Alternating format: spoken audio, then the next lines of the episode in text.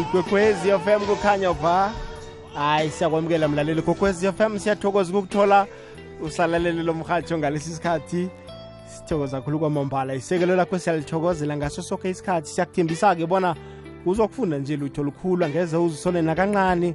Sithi-ke vuka uzitshathe-ke nje sitsheje amabhizinisi asathuthukako. Khumbula-ke mntakagogo bona qobe ngabo losibili ngalesi sikhathi aye sikhambisane eh nebazosifundisa ngebhizinisi elithize. Namhlanje ngithe akhe ngiyokuthatha eh, isazi sami sebhizinisi yenhluthu ekuyibhizinisi eqakathekileko ethandwa bomakhudlwana eh ibhizinisi yokwenza inhluthu zabantu zibe ezihle nabo baba bayayithanda ngombana bayiguda nehloko eh, begodu okhunyeke eh, nesichiko isitayela esasigudwa eh, ekadanyanuka eminyakeni elithumi edlulileko sasibuyile ishiskopu le ngathi seyibuyele emva kancane sekubuya khodi isitayela. Ebona indaba abanye bayadaya. Umsebenzi nje ngenhluthu zakho. Ngikhambisana la nobongani mahlangu uyi-hairdresser usebenza ngenhluthu nguye-ke ozosabela ilwazi lethu namhlanje. Nawe-ke mlaleli kokwez FM ngoba netshisakalo ungazithola nawe uzivulele yakho ibhizinisi. Khumbula-ke bona nakungurhulumende uyakhuthaza bona abantu abatsha bazivulela amabhizinisi ngoba imisebenzi ayibi khona. Vula ibhizinisi khona uqasha abanye abantu uwenze amathuba womsebenzi. Sokunikela nawe ithuba yakubuzela ufuna ukubuza khona eh, ku-079 413 2172 iwhatsapp voice note yethu ngileyo 079 413 2172 ababanjwe i-load shedding ngalesi sikhathi ncancabe mani eh siyancancabeza kuleyo ndawo. Bekezelani siyazibona nisilalele kuma-cellphone. Bakhona basilalele engikoloyini kumnandi kunjaya. Eh mahlangu siyakwamukela kukokwezi FM ulothise mkhathi ulothise nabalaleli emakhaya. Siyathokoza. Belinjani ilanga lakho namhlanje hlangu? Hawa mkhathi lona kale sokulilanga leti ngaphandle kwe-loadshedding le ngoba iyasibulala iyasicindezela oh umraro sekuyi-load shedding udlala indima embi nazi zebhizinisini. Um siyalimala mkhathi. Siyathokoza. Eh hlangu wakho usitshele-ke bona nibobani nina? Um thina siyibongane and sylvia hair salon sinzinze khona ngapha ngesiyabuswa esiyabuswa complex. Ngiyabona nenzani nizenzani inhluthwezi inhluthu lezi siyazirelaxa siyazivuda siyaziphema siyazitreata ebanenkinga yesikhumba senhluthu lenhluthu zabo ukuthi izimvutho zibereka siyathokoza. Akakavami kaningi ubaba asebenze ngenhluthu kaningi kuzenja thina sazi ukuthi umuntu wembaji u- u- uyaguda kaningi uguda abantu kodwana nawuthi wena uyazenza mbala u- ukufundelephi ulitholephi ithando lalokho? Kuthobela lapho ebhudena ikuthoma kwami ngadoma ngokuguda. Ngangiguda musesesesikolweni ngithi nangiphuma esikolweni ngiguda komakhelwane nabantwana besikolo. Ngibagude nangiphuma esikolweni.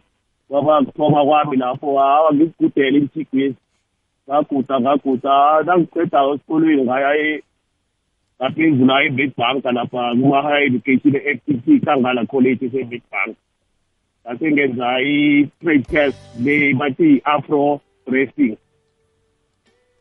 nangisuka lapho hawa ngase bangibiza lapha kwa- kwamthiwa esaluni ngathola elinye ilwazi elinye elikhambelana nokubhuda nokurelax okuye ngasukela lapho ngathola ilwazi ngahlanganise kwaba yinto engiyithandayo nokurelax emthethweni awuzeke kuyazwakala eh ki- ileyo ndawo. Eh mahlangu nangumuntu unetshisakalo lokungena ebhizinisini okilo namhlanje. Kuthonywa njani? Ku- ku- kuthonywa kuphi ukuze uzithole nawe mhlambe unendawo ekungeyakho kuyi-hair salon ngatsho ngithi mhathi into le iba semntwini ekuthomeni. Uthola umuntu ngusinomntwana uyasatoma adlala adlale ngawo lompopho asagudaguda kuthina kuthina abantu kanti into le ikuyo egazini vele bese nayisuka lapho usuyo njengami nje ngathi ngathoma ngigugudaguda abantu aba ngibagudaguda kwaba yinto vele abantu bese bayazivele yathoma kancane kancane bese nangabe ikhona kimi ngiyayithanda nawe ututhola ilwazi ebantwini or kumasaluni aba nenkolweni hayi kumele ikhona iyafundela nokufundela uya-edelela ikhono lakhwena ngiyabona. Sele umuntu anetshisakalo lokuyithoma kufuneka ini kokuthoma? As- asikhulume ngezinto eziphathekako ezenza ukuthi umuntu agcine mhlambe anesalon yakhe. Kufuneka umtshini wokuguda kufuneka angazi yini into i-setup nje yesalon kufuneka ini? Like sithi kufuneke umshini wokuguda sibala ama-hair dryer bese nemithi le uyiberegisa for ukurelaxa abantu. Mara ngaphambi kokuthi uyiberegise kokosele ube nelwazi elinye futhi mhlawumbe njengokuya esikolweni nyana ukhona ukuhlukanisa ukuthi imithi le ayifani. Ibereki le iberega so lo uberega so. Uthole ilwazi lesika-edelela ngoba angekho usuthathe into uyifake lapha ehlokweni kimi nofukazi ukuthi into le iberega sinjani ngiyabona haye ngizwe bathi inhluthu zabantu azifani. Kuliqiniso kangangani nizihlukanisa njani bona lezi zinje lezi zinje? And kuliqiniso khulu mhathi azifani zona ngoba fana nama-temperature wakhona azifani ezinye ziqinile ezinye ziludlana so kwangathi vele ziphelele salamfuthi kose wena ukwazi ukuthi lezi ezinje zifuna umuthi onje. Ngoba abanye uthole omunye nawumfaka ngenhluthu omunye utsha msinya omunye akathi uhlukanise nalapho. Ngiyabona. Akhe sikhulume-ke mhlambe nge nge eh, i-location indawo la ozokubeka khona ibhizinisi yakho i-hair salon yakho uyakhona ukuyibeka ekhaya ngemva kwendlu abantu bayibone beze. I-location nje kufanele ibe sendaweni enjani i-hair salon? Ngabala ngithi ukuthoma mhlawumbe uthome ekhaya ngithi into le kuwe mara la ekubaluleke khona khulu ngaba mnandi besemebhini endaweni e- eduze namabhizinisi la kuno- kudlula khona abantu abaningi indawo indawo ene- ene- enomap baliduze nenthabathaba mhlambe zentolo. So la kuba khona nabantu abaningi. Ngiyabona. Eh bese sibale sithi njengalokhu mhlawumbe abantu hawa nawenzile abantu wenzile umbereko wakho kuhle. Nje sekumnandi ngoba sekunama-social media uyaposta uposta ama-address into sezilulanyana safani nakade kulo ngiyakuzwa. I- iqakathekile indawo la uyivula khona ibhizinisi efana nalelo. Akhe sikhulume nje ngokukhangisa sales and marketing. Uyikhangisa njani ibhizinisi efana ne-hair salon nje? Bona yazeke ebantwini. Begodwa wenza njani? Bona abantu bakuthande bathi nabaqabanga ubongani bathi eyi ubongani eh, inhluthi zami uyazikhona. Mina ngikhona ngibongani yazi. Lapho ekhoneni kubongani kokose wenza umbereko wakho uwenzisise and uwenze kuhle. Awuceda ukuwenza kuhle bakwazi ukuthi naye abanye abantu babuke bese bambuza bese abatshela ukuthi ezingubungani nawuthi bese iye. Ungaraga bese le enye le yokuthi abantu bakwazi ku- kuba lu- ngaba mnandi lokhu ukuthi njengebhizinisi yakho lena uceda uyirejiste njengalapha ku-CIPC la kukhampani and-intellectual property commission so bese lapho uzokhona ukuthola izinto zakhona nalokhu nakosele bakufawunde those izinto zakho isalon yakho seyirejistile ukwazi ukuthi ibe semthethweni nakuma-founder bakwazi ukuthi nawu- nawufuna ukufawunda into zakho zibe ludlana nawusaphethe indaba yesizo lemali nje ngisafuna ukubuza bona kilo mkhakha wokwenza inhluthu umuntu ulitholaphi isizo lemali kodwana-ke ngiba ungibambele njalo uzongiphendula nangibuyako ngifuna khe ngiyokuthengisa. Ulalele ikwekwezi fm emalahleni 91.8 fm ikwekwezi fm middleburg namaphethelo 91.8 fm modimolle 90.6 fm ukuya edalstrom 107.7 fm kukhanyisa ikwekwezi fm hashtag umkhanyo ukhona. Kukhanya ba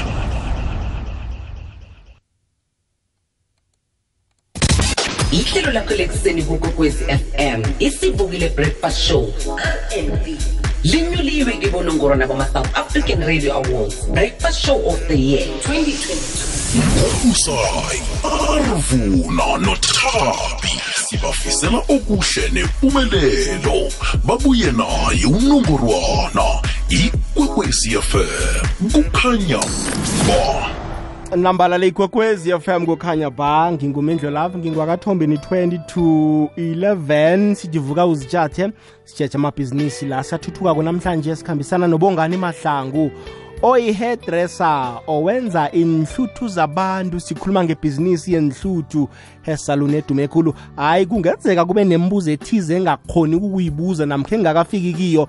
Unelungelo ku-079 213 2172 ungasabi ukubuza mlaleli gokwezi FM kungenzeka unayo isaluni leyo kunentwanyana ntwanyana ntwanyana ezithize ezikuphandlako. Isaluni akho ayithuthuki kuhle. Khona ubongani angakuphendula eh inomboro zethu zomtato zithi 086 000 3278 086 000 3278 mahlangu sese soke la sikhulume ngendaba ye-funding. I- i-funding umuntu angakokoda kumuphi umnyango mhlambe? Khona azayithola. Um ngingatsho mhathi ukuthi nawo umasipala ama-ofisi akhona wama-funding afana nabo-sobovu so funding onema-ofisini kamasipala apha akhona.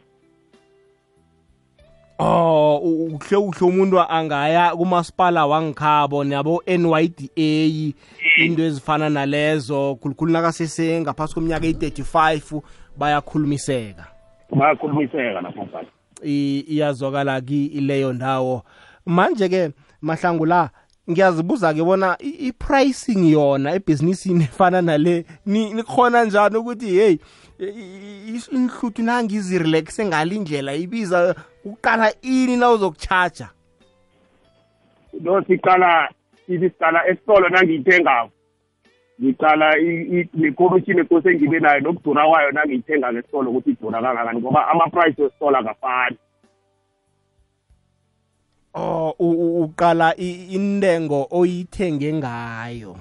Eh ngoba ne- ne-quality yakhona azifani nje ziyahluka. Ngiyabona. Um kuya nangenhluthu ukuthi lezi vele zifuna intrasingana leso. Ngiyabona. Ku- kunomlaleli la othumele i-whatsapp voice note ongaba nentshisakalo yokubuza. Akhe simuze ubona uthini mahlangu akhe simlalela akwanda thombeni mindlolavu khuluma no- no- nosolendelana upetha kanzunza isiyabuso c.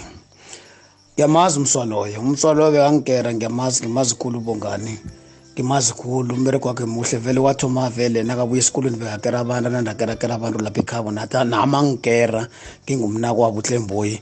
Nama ngigera ngigera lapha ekhabo. Wayithoma ibhizinisi kancane kancane akhuphuka. Ngiyamazi la athome khona ngimazi khulu la athome khona. Umsebenzi wakhe wenza umsebenzi omuhle wathoma ngosikera wagcina ngena esaluni waphema abantu ibhizinisi yakhe ngathi angayibamba njalo achubeka ye phambili ayikhuphula ibhizinisi ye phezulu. Ngathi mfungo ayibamba njalo ibhizinisi leyo ubamba ucinise sigcine sikubona kude mfowethu. Ngiyathokozisa umsebenzi wakho omuhle. Khulu ngusolendelana upetha kanzuza siyabuso si. Ngikho jakho mindlolavu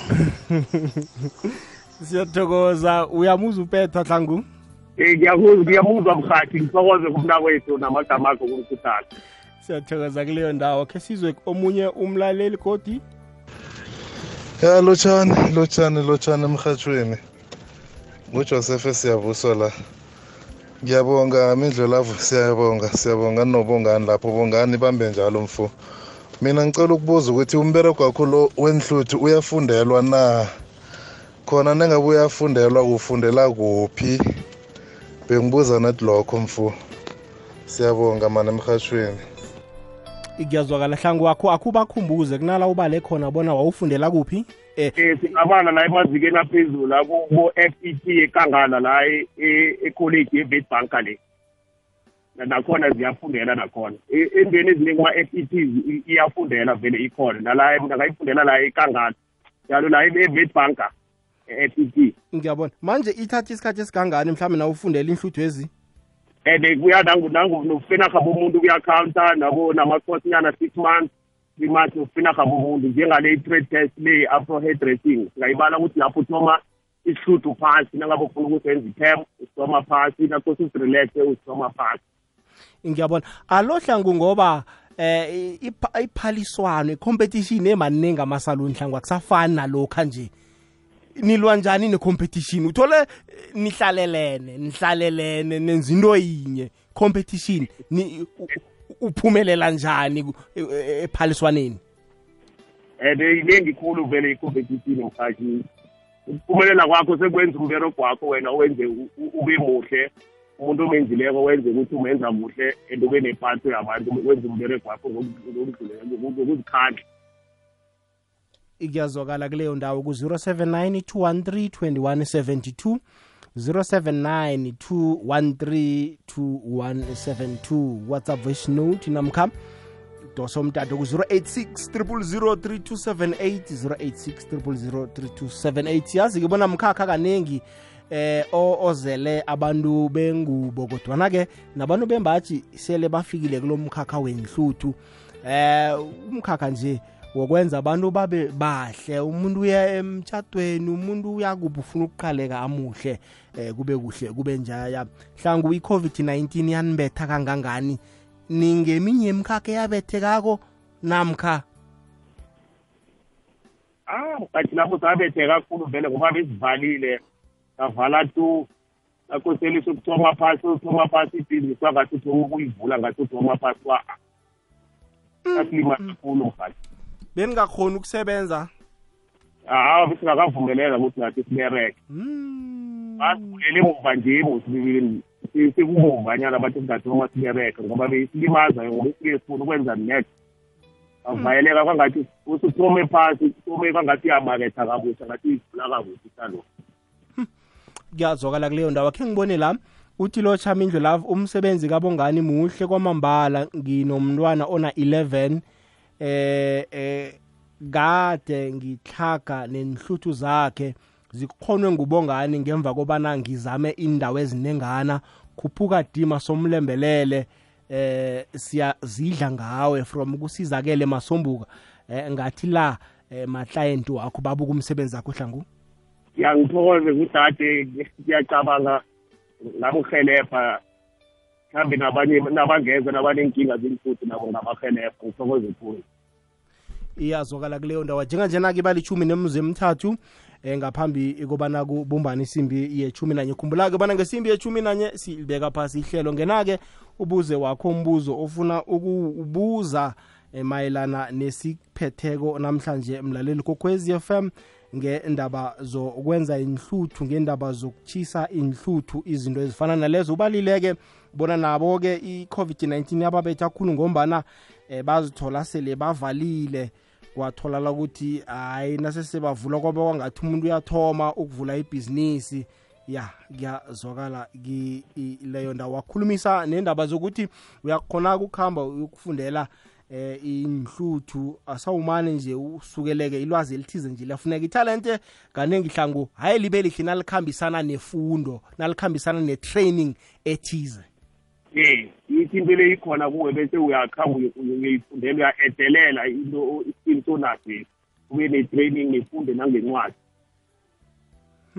Ya- kuyazwakala. Eh. Alo itrainelwa isikhathi esingangani ngikhohlwa ukukubuza isikhathi.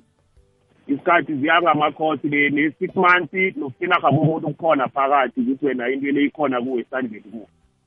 Ngiyabona. Eh. Khona-ke hlangu njengombana i-competition iningi kangaka kuyaphileka khona ebhizinisini le? Hey mkhathi lethi asafana lokho bona ngatsho ngithi angeke kufane nokuhlala ungenzi lutho. Mm. ukuhlala ungenzi lutho ithemba libulali uhlala u- ulindela khona. Bona kufani nokuhlala ungenzi lutho akufani nokulala ngendlala. Akufani-ke ukuze lokho ukuze uzithuthukise kosele into na uyibonako ukuthi nje ikhona enye ongayenza. Uzame ngamandla ukuthi nje ngiyazithuthukisa wenze okunye okudlula lokho. Ya kuyazwakala kuleyo ndawo. Eh ngibawa ungibambele njalo hlangu siza kubuya khe sikhambe siyokuthengisa. Landela ikwekwezi fm enkundleni zokuthintana. Ukubana ikwazi ikulandele nawe. Facebook ikwekwezi fm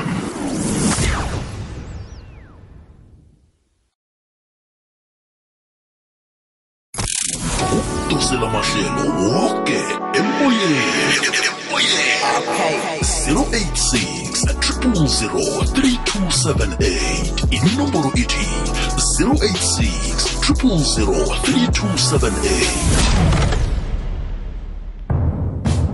iflaha lesewula afrika liphephezela ngemibala elithwayo lesitshaba esivangileko esinebumbano.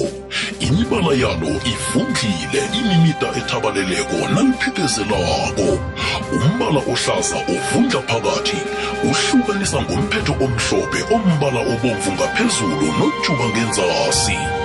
Umbala onzima ovala ithwayo elinguwayi usekelwe mahlangothi mbala orhawuda onguvile hashtag amagugu wethu.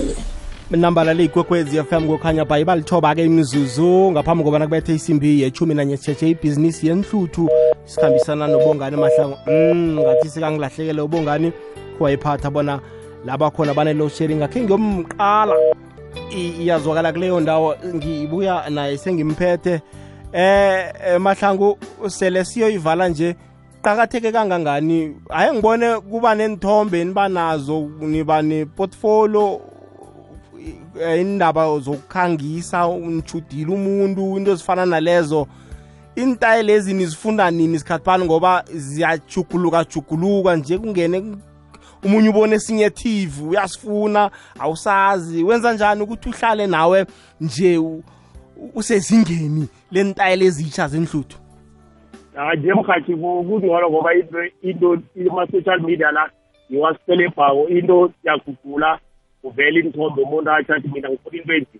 Asi le nto seyithina ngiyayicala ngiyayicala nangiqeda ukothe ngiyeza O- uyayiqala bona i- i- istyle sisibumbeke njani? Ye bese ngicala naye nehluthu zakhe ngibone ukuthi kuye yokuhlala njani. Be- be- ngizame ukuthi ngiyeza uyakhona uk- mhlawumbe ukululeka umuntu ubona eh yabona lesi style ngathi ah, eh, asihlali kuhle kweyakho ihloko ungafanelwa ngilesi. Namkha wenza nje into efunwa umuntu ngoba angezi into efuna muntu ngoba umuntu kosele nje ufune umbonise umuntu ukuthi no ade into oyifunako le la angekhe yenzeke ehlokwa ngathana senza so singenzi le ngoba kuyenzeka omunye afune isitayile esinje kanti isitayile angeke senzeke emshuthini zakhe. Kose ngizame ngimfundise ngimbonise. Bese senza into erehe sikwazi ukuthi senze into erehe nasesezomjabulisa oh uyamluleka umuntu ukuthi mhm yabona la eh, eh, zakho inhluthu kodwa lesi style ngeze saphuma. Ngcono wenze lesi. Eh, ngingathi sengithathe imali yakhe ngigibele imali mara kubeni angekhe athole i- i- into erehe ya nawusebhizinisini elifana naleli kuqakatheke kangangani ukuba nobuntu? Usebenzisane nabantu ucoce nabantu.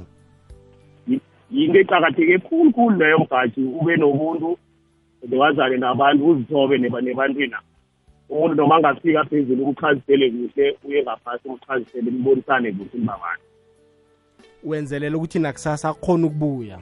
Yiyo manje-ke dima la ngimaphi amanye amaphuzu mhlambe ofuna ukuwagcizelela eh uwagcizelela wakhulume khudlwana?